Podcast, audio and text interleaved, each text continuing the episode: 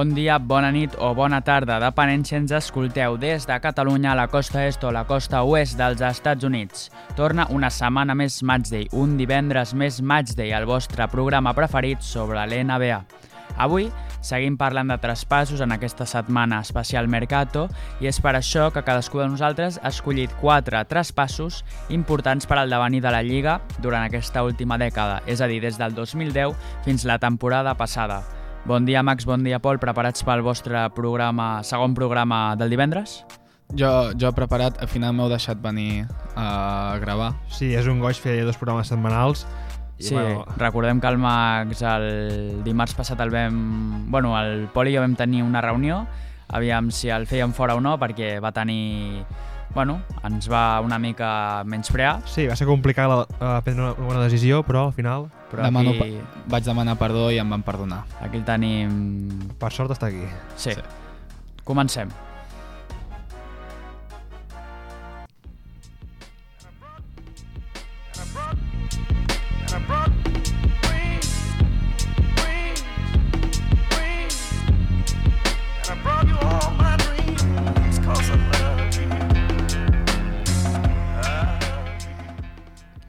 I començo jo amb el primer traspàs que es va donar el 2018.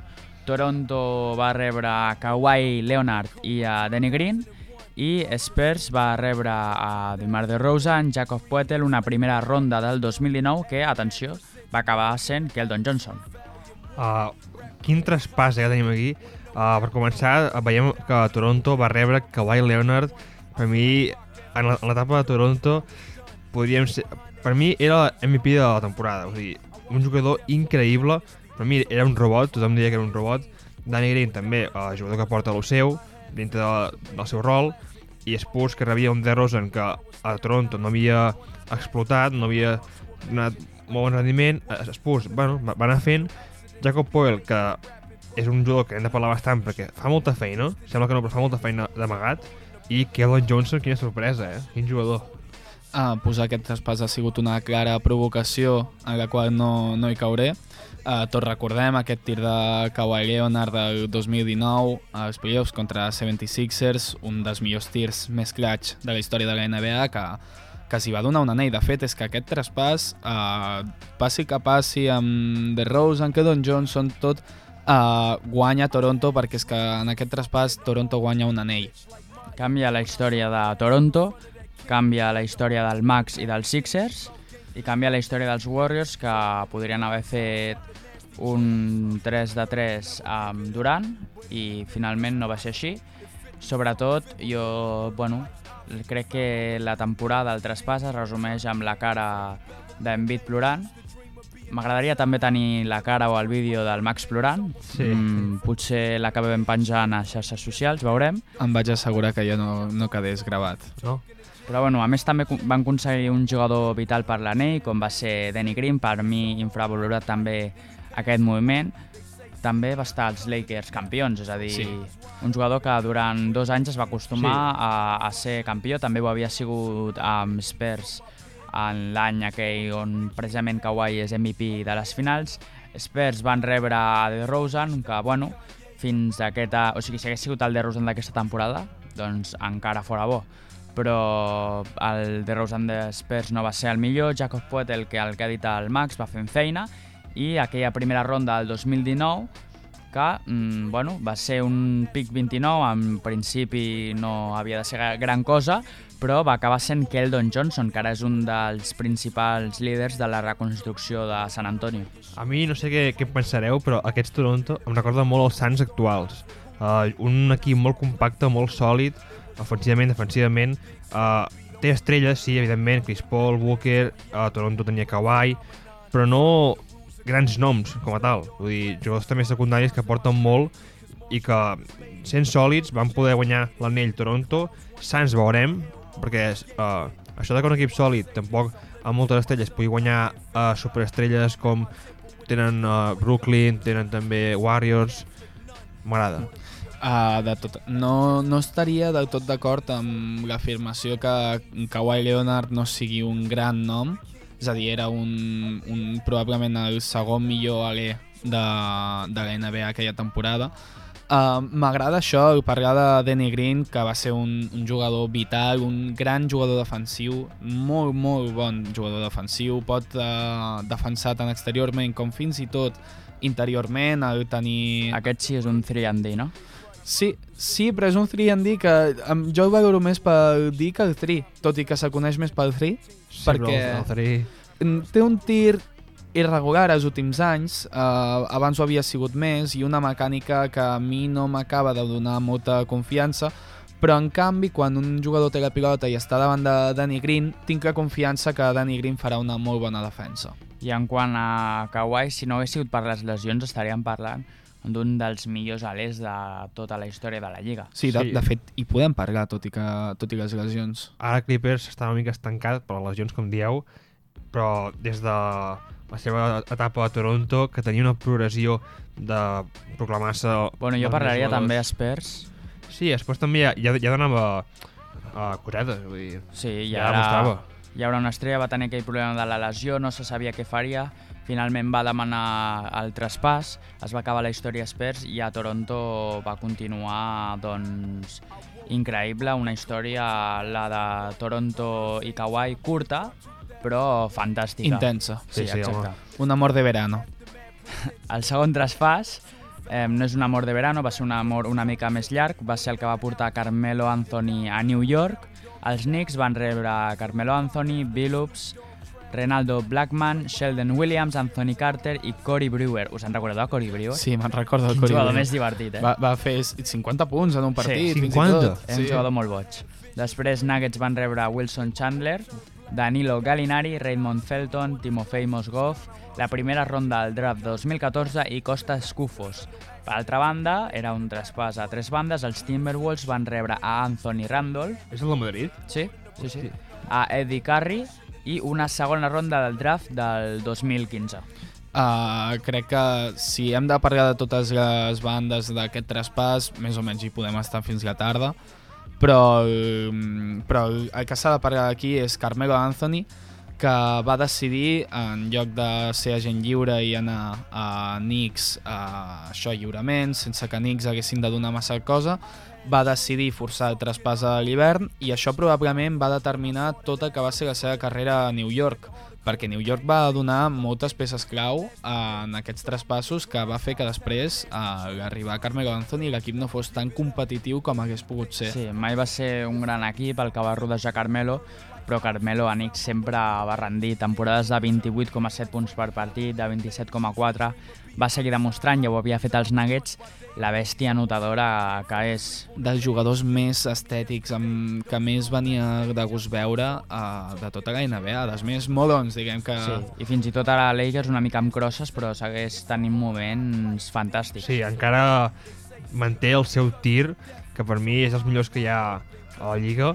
M'agrada molt com tira, també de 3, però sobretot de 2. Sí, de mitja distància, És, aquell tir que és fa. molt vistós i molt, fa, molt, fa molt goig de veure. Vull la mitja distància Sí, llarga que tant s'han anat carregant aquests últims anys i que Carmelo va, va fer carrera de, de tirar aquests tirs. El següent traspàs també involucra un equip de New York, en aquest cas els Nets, que semblava que guanyaven, rebent a Kevin Garnett, Paul Pierce, Jason Terry, DJ White, una primera ronda del 2017 i una segona del, també del 2017. Els Celtics s'emportaven a Gerald Wallace, Kate Bogans, Mark Sean Brooks, Chris Humphries, Chris Josephs. I atenció, una primera ronda del 2014, fins aquí encara. Una primera ronda del 2016 que va ser Jason, ai, perdó, Jalen Brown, l'opció de canviar la primera ronda del 2017 que va acabar sent Jason Tatum, aquest sí, i una primera ronda del 2018 que van utilitzar, atenció, pel traspàs d'Irving, és a dir, un traspàs que a la llarga, molt a la llarga, ha acabat sent molt beneficiós per Celtics. És un dels traspassos que s'utilitza per posar uh, l'exemple d'un molt mal traspàs per part de, de Nets. Es pensaven que un Kevin Garnett de 37 anys i un Paul Pierce de 36 podria guanyar-los un anell junt amb Deron Williams. I un Jason Terry també molt sí, veterà. Un, un Jason Terry molt veterà. Es va demostrar que això no era així i van, van hipotecar tot el seu futur uh, per aconseguir dos anys més o menys d'aquests jugadors. Al final van perdre l'oportunitat de tenir Jalen Brown i Jason Tatum i, i utilitzar això, més peces de traspassos per, per, altres, per altres peces al final han pogut remuntar la situació nets, igual després ara ho comentem. Sí, però ha trigat més del, del que hagués trigat si no hagués sigut perquè traspàs. Era un projecte per competir ràpidament i quan fas les coses de pressa doncs normalment les acabes fent malament i és un clar exemple. Sí, Nets que clar va voler apostar per Garnett i Pierce, dos veterans ja, i Terry també, que clar, venien de, de jugar molt bé a Celtics i també Garnett a Timberwolves, però clar, ja no, ja no eren el que van ser a Boston. Uh, per altra banda, van perdre molt futur. Vull dir, estem parlant que hi havia rondes amagades aquí com Jalen Brown o Tatum, que tampoc uh, era clar que sortirien aquí en aquesta posició del draft, però que clar, ara Celtics es van trobar amb, aquests, uh, amb aquestes perles, diguéssim, que pel futur uh, és increïble.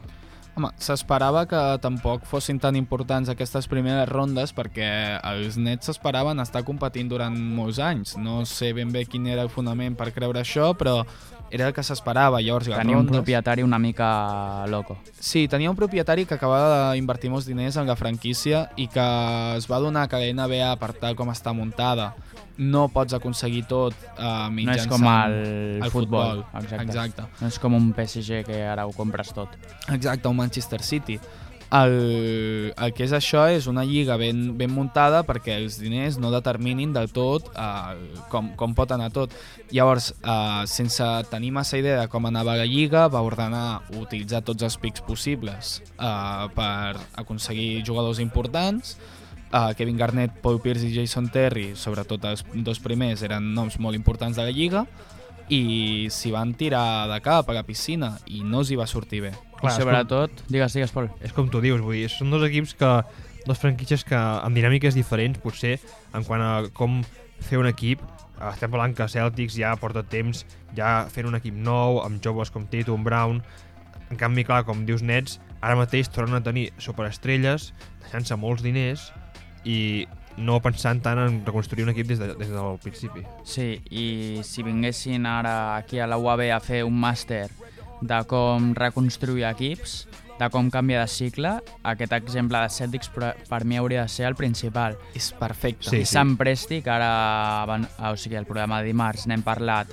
del baul de Presti de les rondes de draft, hauria d'aprendre d'aquest exemple com canvies un equip guanyador de Paul Pierce, Kevin Garnett, eh, Ray Allen, a l'equip que guanya l'any del 2008, i en uns pocs anys, costa uns quants anys, òbviament, sempre, però bueno, acabes tornant a construir un equip bo a través d'aquell equip, a partir d'aquelles peces. Clar, però en poques rondes, no com Oklahoma, sí. que no en para d'aconseguir... En poques rondes, però bones. Bones, boníssimes. I utilitzant-les pel traspàs. També ho va sí. dir el Max el dimarts, que les rondes no només són pels jugadors que escolleixen, també per fer traspassos al, a la nit del draft. Eh, van traspassar aquella ronda per Kyrie Irving als, als Celtics, vull dir, els Gran, va servir per, sí. a part dels jugadors trets al draft, per aconseguir a Kyrie Irving i seguir amb aquesta reconstrucció i amb aquest equipàs que van formar. Des del punt de vista empresarial també va ser un, un molt bon moviment. Hi ha pocs equips de la NBA que hagin reconstruït en, en tan poc temps fins a aconseguir un equip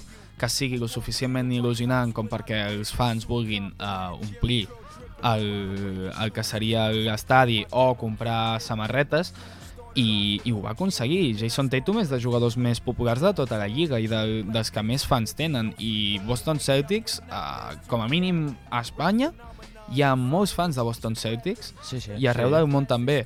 És també una franquícia que té la seva història però, però si, si ho miréssim també des del punt de vista empresarial, que és el punt de vista eh, que va utilitzar l'amo de Nets, uh, Celtics va fer aquí un, un, una demostració, una masterclass. Sí, empresarialment també va ser molt bo el traspàs del 2011 que va portar a Clippers, l'equip pobre de la ciutat de Los Angeles, eh, a Chris Paul i una, i una segona ronda del draft del 2015 Pelicans, a canvi, van rebre Eric Gordon, Chris Kaman, el Farouk Aminu i una primera ronda del 2012.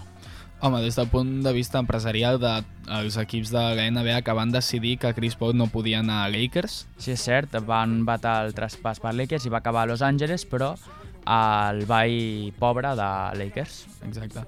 Això va començar l'època de Lob City, de, de Los Angeles Clippers, probablement l'època més nostàlgica d'aquesta franquícia, perquè sí. per molt que ara tinguin a, a Kawhi Leonard, a Paul George, un equip potent, interessant, uh, no, no, no, res és com aquell showtime que teníem amb, amb Chris Paul llançant a llups a DeAndre Jordan i Blake Griffin. Sí, sí, sí és molt i diferent. Des, I després tenien J.J. Redick, Jamal Crawford, era un equip molt complet, Doc Rivers a la banqueta. La llàstima és que no van acabar mai de fer res als playoffs. Era un equip diferent al que tenen ara, òbviament. Ara tenen dos superestrelles com Kawhi i Paul George, abans tenien la principal, que era Chris Paul, amb DeAndre Jordan a un, seu, al seu millor moment de la, de la carrera per mi, i secundaris com ha el Gerard, que aportaven molt. Uh, per altra banda, trobem que Pelicans clar, va perdre Chris Paul per rebre jugadors bueno, secundaris, podríem dir. Sí, sí, bueno, era un traspàs que ja se sabia que Chris Paul anava a sortir de Pelicans, igual que posteriorment es va saber que Chris Paul volia sortir de OKC i se'n va anar a Phoenix Suns. Ens has de parlar d'això en el teu primer traspàs que has triat, no, Pol? Sí, uh, va ser el 2020. Els Suns van rebre Chris Paul i Abdel Nader i Oklahoma va rebre a Ricky Rubio, a Kelly Oubre Jr., a Ty Jerome, Jalen Lecque i una selecció de primera ronda de 2022 aquí és on es va demostrar que Chris Paul fa millor a tots els equips on va, fins i tot si aquests equips acaben de perdre el, el seu jugador més, uh, més important de la història de la seva franquícia. Uh, ok, sí, venien de perdre a uh, Russell Westbrook i quedar-se en una zona molt lletja en la qual cap equip vol estar, en la qual semblava que venien uns anys de perdre molts partits per la reconstrucció, Chris Paul va acabar a Oklahoma. Mm, tothom se sentia molt malament per Chris Paul perquè era un contracte que, se, que es considerava el més tòxic de la NBA, ja n'hem parlat altres setmanes d'això. Va arribar allà i es va, i es va confirmar ell mateix que segueix sent dels millors bases de la NBA, va ser aquella temporada el millor jugador al quart quart i en el temps de clutch, i va fer que un equip que semblava que no podria arribar a massa cosa entrés a playoffs i competís molt bé i molt seriosament contra uns Houston Rockets eh, liderats per, per James Harden i Russell Westbrook. I Russell Westbrook. Sí. I després acaba Suns amb aquest traspàs, o sigui, Oklahoma comença a pujar, se'n va a Suns i a Suns doncs, acaba de, de plasmar aquestes bones sensacions i acaba convertint un equip doncs, en reconstrucció, amb Booker que sí, que sí no, amb Bayton que era una incògnita, doncs en un equip que eh, l'any passat arriba a les finals i que aquesta temporada, ja ho vam parlar, és per tots nosaltres tres, crec, el principal candidat a endur-se l'anell o, el, o en principi l'equip més sèrio, l'equip que més sap a què juga i que més clares té les seves aspiracions. Sí, fer un apunt ara, uh, per part de l'Oklahoma, uh, tant Ricky Rubio va ser traspassat uh, els 3 dies a Minnesota i Obre als Warriors, vull dir, van passar allà 3 dies només, Uh, seguim parlant d'Oklahoma, que intercanvia jugadors grans amb bon nivell per rondes del draft, encara ho segueix fent. Sí. I, clar, uh, parlant de Ricky Rubio, un Ricky Rubio que estava jugant excel·lent a Sants, per mi ho està fent molt bé. Evidentment, si, si has de triar a Chris Paul o a Ricky Rubio, tot, ens quedem tots amb Chris Paul, però clar, el rendiment de Ricky Rubio a Sants era bo. És que va, sí. va, saber, va saber molt greu. A la bombolla ho va fer realment bé sí. i després, però clar, és mm. un dany secundari perquè si és el que ha dit el Pol, si t'has de quedar entre un dels dos, sí. doncs òbviament sí, sí. no hi ha color. I Oklahoma bàsicament el que va voler és treure's, treure's el contracte de Chris Paul com fos, seguir col·leccionant rondes i seguir omplint el baúl de Sant Presti. I veurem Chris Paul aquest any també tornen a ser allà dalt, primers, eh, molt sòlids a la temporada regular, a playoffs a veure si poden guanyar l'anell, ho veig difícil, eh, però bueno. I seguim amb el segon traspàs, que va ser el 2014, on eh, els Cowboys van rebre Kevin Love i els Timberwolves van rebre a Wiggins, a Anthony Bennett i a Tadeusz Young. I també era tres bandes, i per últim Sixers van rebre a Luke Mavà a Moté, al Seyes Bet i la primera ronda de 2016. Aquest traspàs eh, no, en, en el seu moment va ser molt criticat. Hi havia molts fans de Cavaliers que no entenien com eh, es traspassava Andrew Wiggins, que semblava que seria un futur Hall of Fame, per Kevin Love, que era un jugador top 10 a la NBA, Uh, però no ho entenien, de fet veien com uh, acabaven de donar dos pics número 1 de draft, tot i que Anthony Bennett ja feia temps que es veia que no seria el que semblava, uh, total per, per Kevin Love aquest traspàs es va, es va confirmar com un, un traspàs molt positiu. Mm, gràcies a aquest traspàs es va poder guanyar el 2016 sí. l'anell que es va poder guanyar.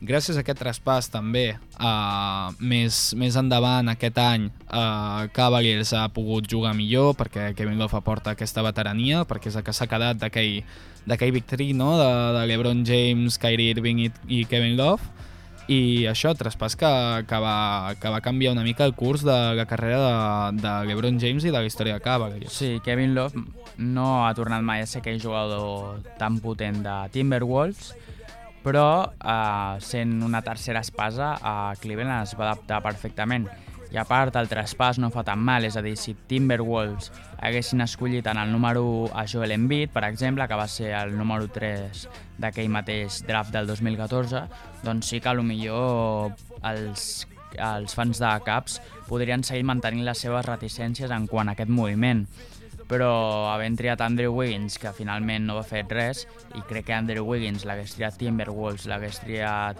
Houston i l'hagués triat qualsevol equip de l'NBA, perquè era molt clar que havia de ser el número 1, després no ho ha demostrat, però Kevin Love, doncs, al final acaba a Cleveland, acaba sent una peça clau per l'anell a canvi de poca cosa.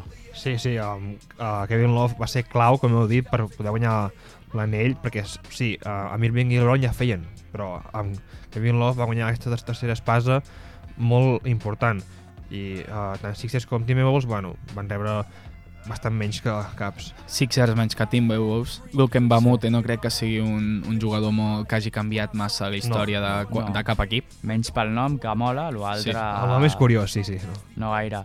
El que sí que... Bueno, un altre traspàs que potser tampoc ha canviat la vida de cap equip, potser sí més dels jugadors, és el teu tercer traspàs que es va donar el 2017, no? 2017, sí, on trobem que Oklahoma va rebre a Paul George a canvi de que Pacers rebessin a Víctor Oladipo i Sabonis. Clar, un traspàs que veiem com Paul George va poder seguir evolucionant en el seu joc, tampoc no va arribar a explotar a ser nivell MVP, però bueno, va rendir bastant bé i per mi van sortir guanyant inclús a uh, Pacers, perquè Oladipo va poder fer una progressió molt bona, sí que és cert que les lesions l'han uh, com no ha ajudat gaire durant tota la seva carrera. L'han frenat, l'han frenat. I Sabonis, que per mi allà va donar un molt, molt bon nivell. El Paul George va rendir molt bé okay, sí, de fet sí que va tenir una temporada, crec que era la segona, sí, la segona, que no hi havia Carmelo Anthony, que estava dins les converses, va, ser, va quedar tercer sí. a la votació l'MVP, Després a Playoffs va, va, va, des, va decepcionar. Va aparèixer el Playoff P. Playoff P, exacte. I per la seva part, Víctor Oladipo, el que has dit, va fer una temporada mm, molt bona, molt positiva, amb una progressió impressionant. Domantas Sabonis no va trigar tampoc massa a explotar i a ser el jugador que creiem. Per part de Pacers, tot i això, no crec que es pugui valorar encara, eh, tot i que hagin passat un ja 5 anys, no crec que es pugui acabar de, mm, de valorar com els hi ha sortit aquest traspàs, perquè Domantas Sabonis el que els hi ha portat ha sigut el tenir uns... Sí, els, els hi ha portat tenir uns anys de més o menys guanyar partits que no siguin anys de perdre molts, molts partits a la temporada i després el futur, el, el traspàs de, de fa poc per Therese Halliburton. Llavors veurem com va això per part de, de, de Pacers. Per part d'Oklahoma han sortit guanyant, però no, per, no precisament per Pau George, sinó pel que, per després del traspàs de Pau George, que els hi va portar totes les rondes del draft, sí. que els hi va portar, i que també hem de veure com acaba sortint, però d'entrada sembla un moviment molt, in, molt intel·ligent, més pel que mm, va passar uh, més endavant. Sí, el futur. Sí, és un moviment doncs, que analitzant-lo molt a la llarga doncs, pot ser interessant pels dos equips. Jo al principi he dit que no canviarà la història cap dels dos equips, almenys en el curt termini, però sí dels jugadors, perquè Paul George rellança la seva carrera després d'uns anys a Indiana on semblava que s'estava estancant, més, de, més després de la lesió, Víctor Oladipo doncs, explota com a jugador, llàstima també en aquest cas les lesions que no el van acompanyar i el van frenar, i Domantas Sabonis a Indiana, recordem que es converteix en All-Star. Eh, has dit abans OKC, doncs el futur amb aquest traspàs doncs, sí que acaben guanyant amb Shea, l'altre traspàs que també involucra a OKC, el del 2012 estem parlant molt d'OKC avui, o sí, m'ho sí. sembla a mi. Sí, sí OKC és un equip de molts moviments i això, ara es veu aquí en el programa. El quart traspàs que, que, del 2012, com ha dit el Gerard, on trobem a Rockets, que van rebre a James Harden, a Cole Aldrich, a Declan Cook i a Lazar Hayward, i Oklahoma City va rebre a Jeremy Lamb, Kevin Martin, una primera ronda de 2013, una segona ronda de 2013 i una primera ronda de 2014. Abans de comentar el, el tema evident de James Harden, crec que de tots els traspassos que hem dit que involucren a OKC, tots són proposta del Pol. És possible que no siguis de Warriors, que siguis més de, de OKC? Reconec que abans era de, de OKC. Per Durant. Fins que... Fins que Durant se'n va anar. Oh, Soc sincer. No, vale, vale. Podríem dir que el Pol no és de Warriors, és de Durant. Exacte, és de Durant. Eh, és a dir, ara mateix és de Nets. Ho reconec. Vale. Ho reconec. Uh, ja passant a analitzar el, el traspàs, James Harden, que en aquell moment no tenia el caché que té ara mateix i que passaria a tenir amb Houston Rockets, uh, arriba, arriba això, arriba Rockets per mm, Jeremy Lamb, Kevin Martin, rondes de draft, però no, no sembla, mm, corregiu-me si m'equivoco, però sembla que vist, uh, fent la vista enrere, uh, són pocs jugadors pel que, pel que seria James Harden a Houston Rockets. Però és que ningú s'esperava que aquell James Harden, sisè home, acabaria sent MVP i aquest sí que és un traspàs que canvia per complet la història dels Houston Rockets. La llàstima sí que queda aquesta espineta clavada en la primera temporada de Chris Paul, precisament aquella final de conferència contra els Warriors que van estar a punt de guanyar, allò hagués sigut la cirereta del pastís que hagués culminat un traspàs que si haguessin acabat guanyant aquell anell hagués sigut eh, de 100 sobre 100. Sí, ideal. Si, si guanyen el setè partit, guanyen l'anell, eh? Sí. El que passa que el setè partit van passar a fer un dels pitjors partits que es recorden a la història dels playoffs en quant a tir de 3. Es van, fa, es van tirar molts triples i se'n van ficar molt pocs.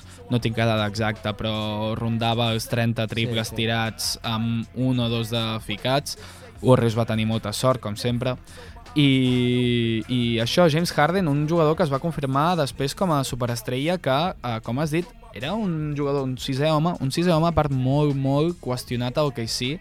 A uh, les finals de 2012 contra l'Ebron uh, se'l va qüestionar molt perquè no va donar el nivell que s'esperava a temporada regular sortint des de la banqueta o fins i tot com a titular, va jugar molt com a titular aquelles sèries i, i això, el OKC va decidir treure's una mica de sobre, ja que ja tenia dos jugadors que amassaven molta pilota amb Kevin Durant i Russell Westbrook, i al final a Rockets els hi va acabar sortint molt, molt bé. També és cert que Oklahoma Harden encara era jove, evidentment, i no va poder arribar a arrencar uh, mai del tot. A Houston va tornar una bèstia, com heu dit, uh, MVP el 2018, però mitjan 36 punts.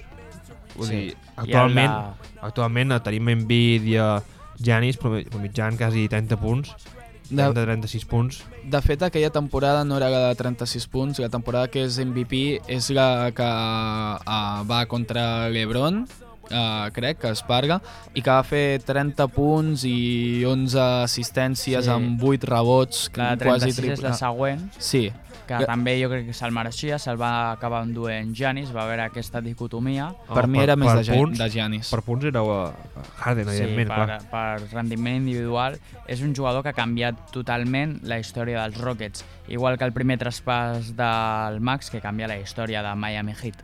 Home, sí, el traspàs que colem aquí una mica, perquè seria més semblant a una agència lliure, els dos traspassos que he colat fent una mica de trampa aquí. Bueno, però és un sign and trade que el podem sí, sí. colar com a traspàs. Exacte, i són dos en un, però que van passar bastant semblant. Heat va rebre el 2010 a LeBron James i Chris Bosh, a canvi de Cleveland va rebre una primera ronda de 2013, un swap de primera ronda de 2012 que al final no es va executar, una segona ronda de 2011 i una segona ronda de 2012 i Toronto va rebre també dues primeres rondes, una de 2011 i de 2014.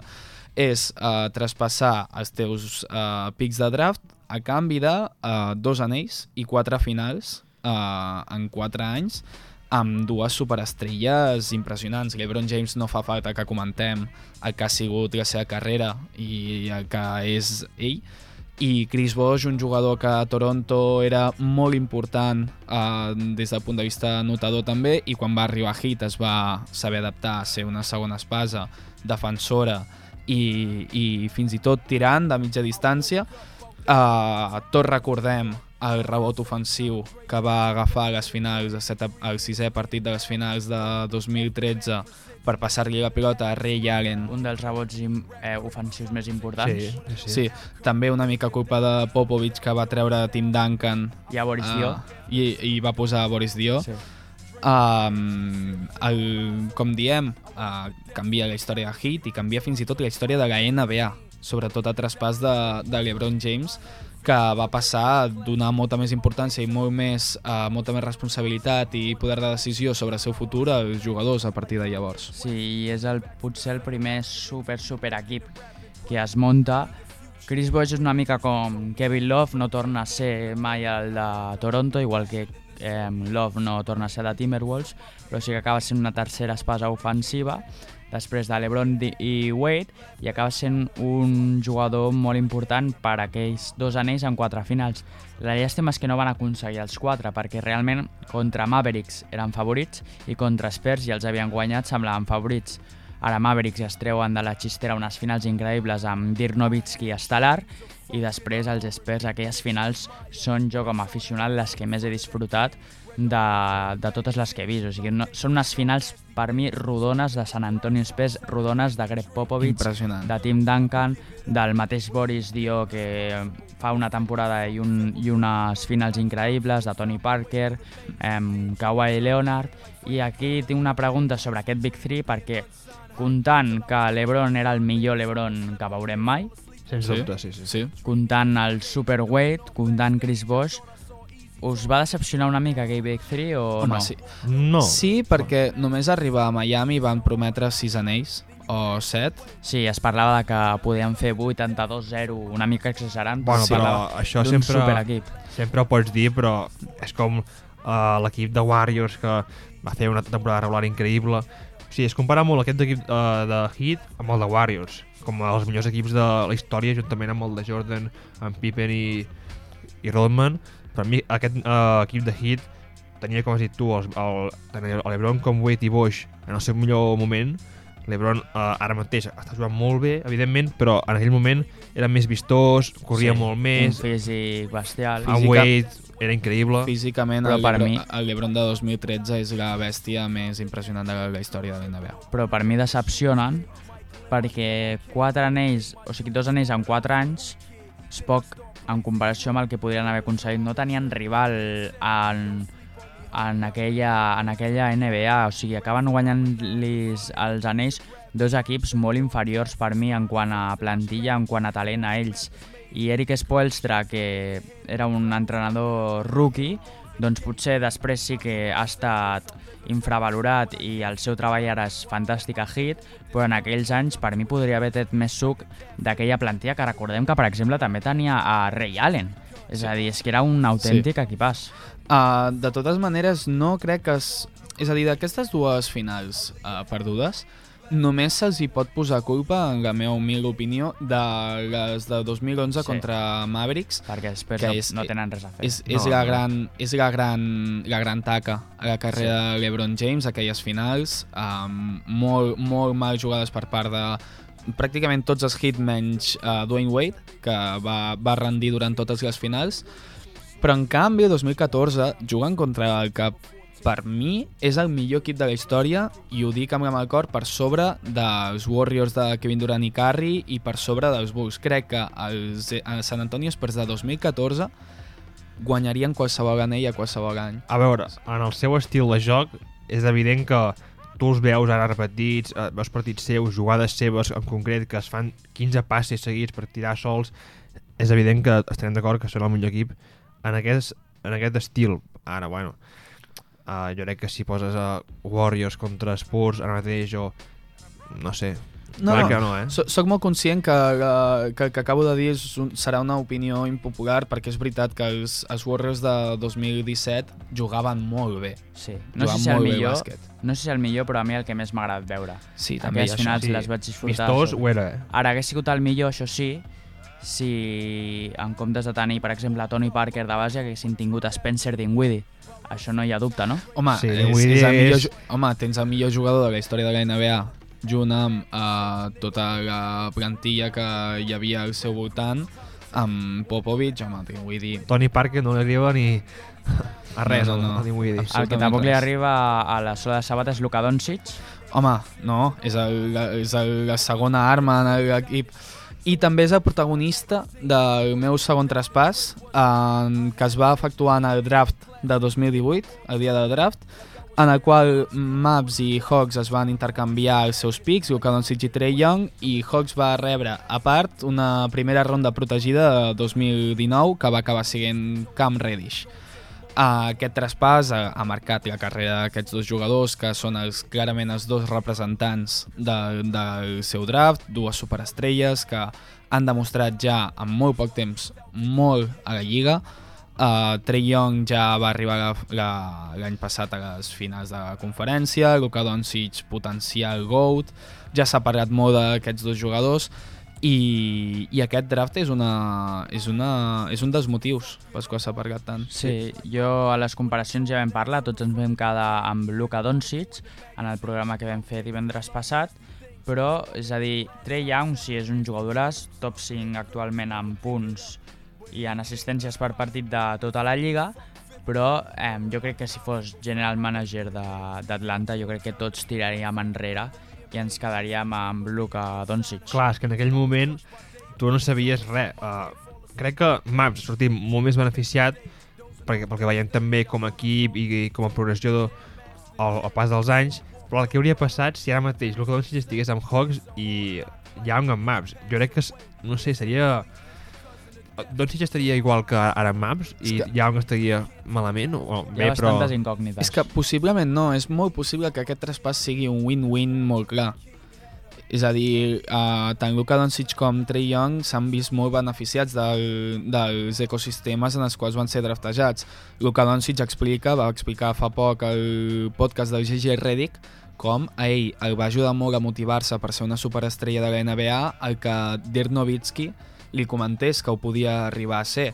Clar, això Hawks no ho hagués tingut No, no. i Trey Young probablement a Mavericks amb el tipus de cultura que és, amb els anys que han estat guanyant i tal, no haguessin tingut la confiança que, i la paciència que van tenir Hawks la primera temporada que, que recordem que Trey Young comença molt fluix i acaba l'any molt fort i l'acaba gràcies a la confiança que li donen Hawks.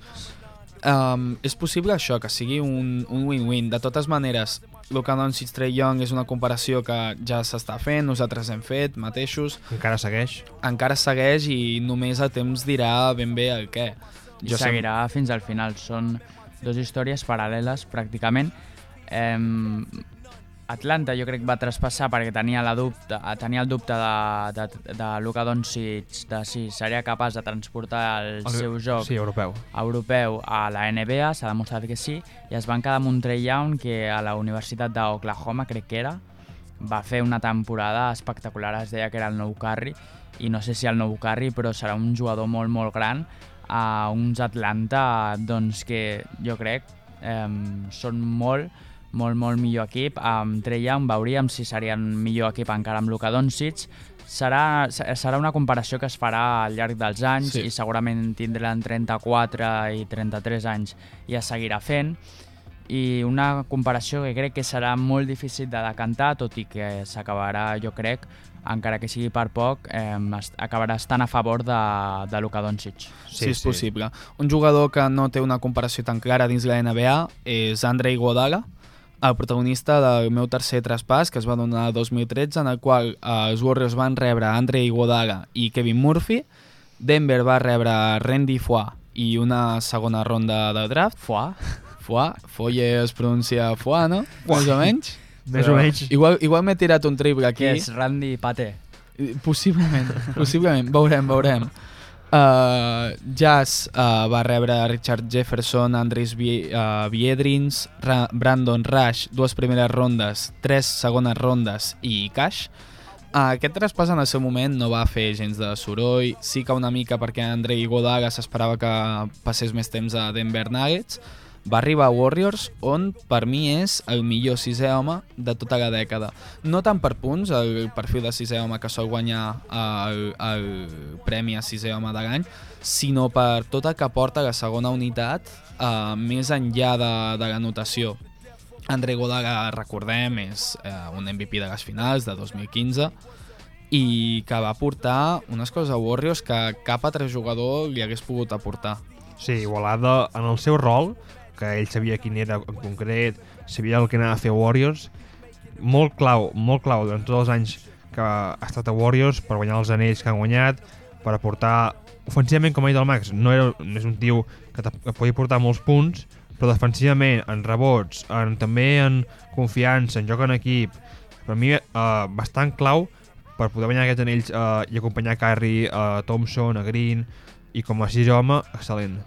Sí, em fa molta gràcia aquests traspassos de la NBA que de cop ja es va rebre cash. Què vol dir cash? Que va anar un tio de Denver i li va donar Sí. diners en metàl·lic. Bàsicament, és, és més o menys com es comenta eh, el, el periodisme d'allà als Estats Units Sí, amb la NBA quan aquests. es donen diners, Sí. bàsicament. Però Warriors, més enllà que ja es guanyés cash, Warriors van guanyar uns jugadors i per mi aquest traspàs s'explica en el 2000, en l'anell del 2015 va ser MVP de les finals. Sí. És a dir, un equip de Curry, del millor Curry, d'un dels millors Thompsons, d'un Green impressionant i de fins i tot un Livingston també molt bo Sí, i el sí, sí. millor d'aquelles finals acaba sent André Iguodala. Home, és- hi ha molt de debat per això, perquè Stephen Curry també va jugar molt bé aquelles finals, Cert. i es parla molt que Andre Iguodala va guanyar uh, aquella, aquest títol per uh, defensar A molt bé a LeBron James, però LeBron James fa 30 punts o més, 35 possiblement, fa una barbaritat de punts a aquelles sèries. El que la gent no veu és que Andre Iguodala, a les possessions que estava defensant a LeBron James, LeBron James, per molt que acabés anotant, acabava molt cansat. I als finals de partit a LeBron James aquella sèrie li, els hi va costar molt. Se li van fer molt llarg. Bueno, és Se li que, van a fer molt veure, llargs. a l'Ebron James, qui el defensa? Sí. Uh, bé, vull dir que, no, que no passi 30 punts. És impossible, quasi. Exacte, André Godala va fer molt bé la seva feina, també va fer la feina que no se suposava que anava a fer, la va, la va fer molt eficientment, va anotar més del que solia anotar, va fer tirs molt importants, triples, eh, que, que, que van determinar aquella sèrie. Sí, era com Tucker uh, l'any passat amb Giannis, que el va defensar fantàsticament. Podria ser aquesta comparació entre Tucker i aquell Iguodala, per mi millor que Iguodala, però sí aquests jugadors que el posa a defensar l'estrella rival, especialment si és un alè, i que te'ls frenen i que a més en atac doncs tampoc desencaixen. Exacte, i jugador que també sempre prenia la, la decisió correcta i que va ajudar molt als, a uns Warriors en els quals eh, Pog encara no hi estava aficionat, Bueno, sí, eh? més o menys ja, ja començava a seguir el Curry. Crec que Arregla-ho. tots estàvem una mica aficionats a aquell. Sí, Home, Home, aquest- els Spice Brothers, Curry i Thompson ja despertaven... Aqu aquells Warriors fins, fins uh, poc després no acabarien sent odiats. Uh, un jugador que mai ha sigut odiat, de fet és un dels jugadors més estimats, mm, sobretot entre jugadors joves de l'NBA, és Donovan Mitchell, uh, l'últim protagonista d'avui, uh, en un traspàs que es va donar el 2017 en el qual uh, Jazz uh, va rebre a Donovan Mitchell i els Nuggets van rebre a canvi Tyler Lydon i Trey Lyles aquest traspàs eh, no, no hi haurà discussió amb que ha canviat el, la visió que té la NBA sobre Utah Jazz els últims anys. Utah Jazz en els últims anys tenen un nivell molt alt, uh, sempre estan allà de l'oest, amb Donovan Mitchell. Sí que al principi va començar suau, però ara en, en aquest any també uh, uh, sent molt important, Gobert està portant, Conley, bueno, per, Va mi, fent. per mi fluix, va, va fent, però Donovan Mitchell està estel·lar a, a l'apartat ofensiu, està fent partits de 30 punts constantment. Sí, Donovan Mitchell ha canviat el panorama de Utah Jazz.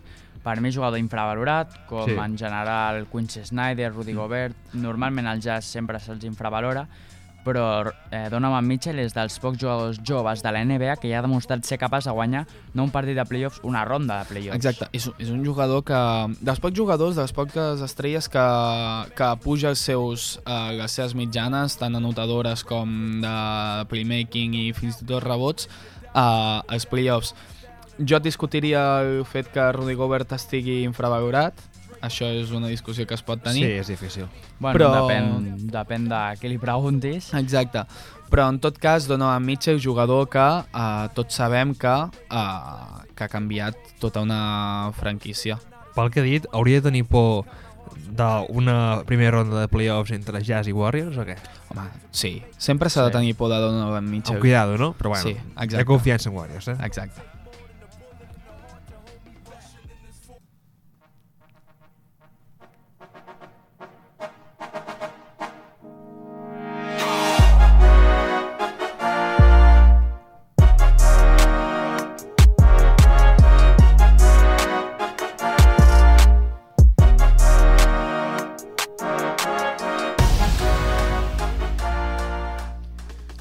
Acabem aquest programa que ens ha servit per repassar els millors traspassos de l'última dècada. Max, Pol, companys, encantat de tenir-vos un divendres més aquí al meu costat. I encantat jo que de seguir aquí. Els divendres sempre surten a programes molt bons. Max, vas estar a punt de marxar, però ben Ma- tornat. Me me n'alegro.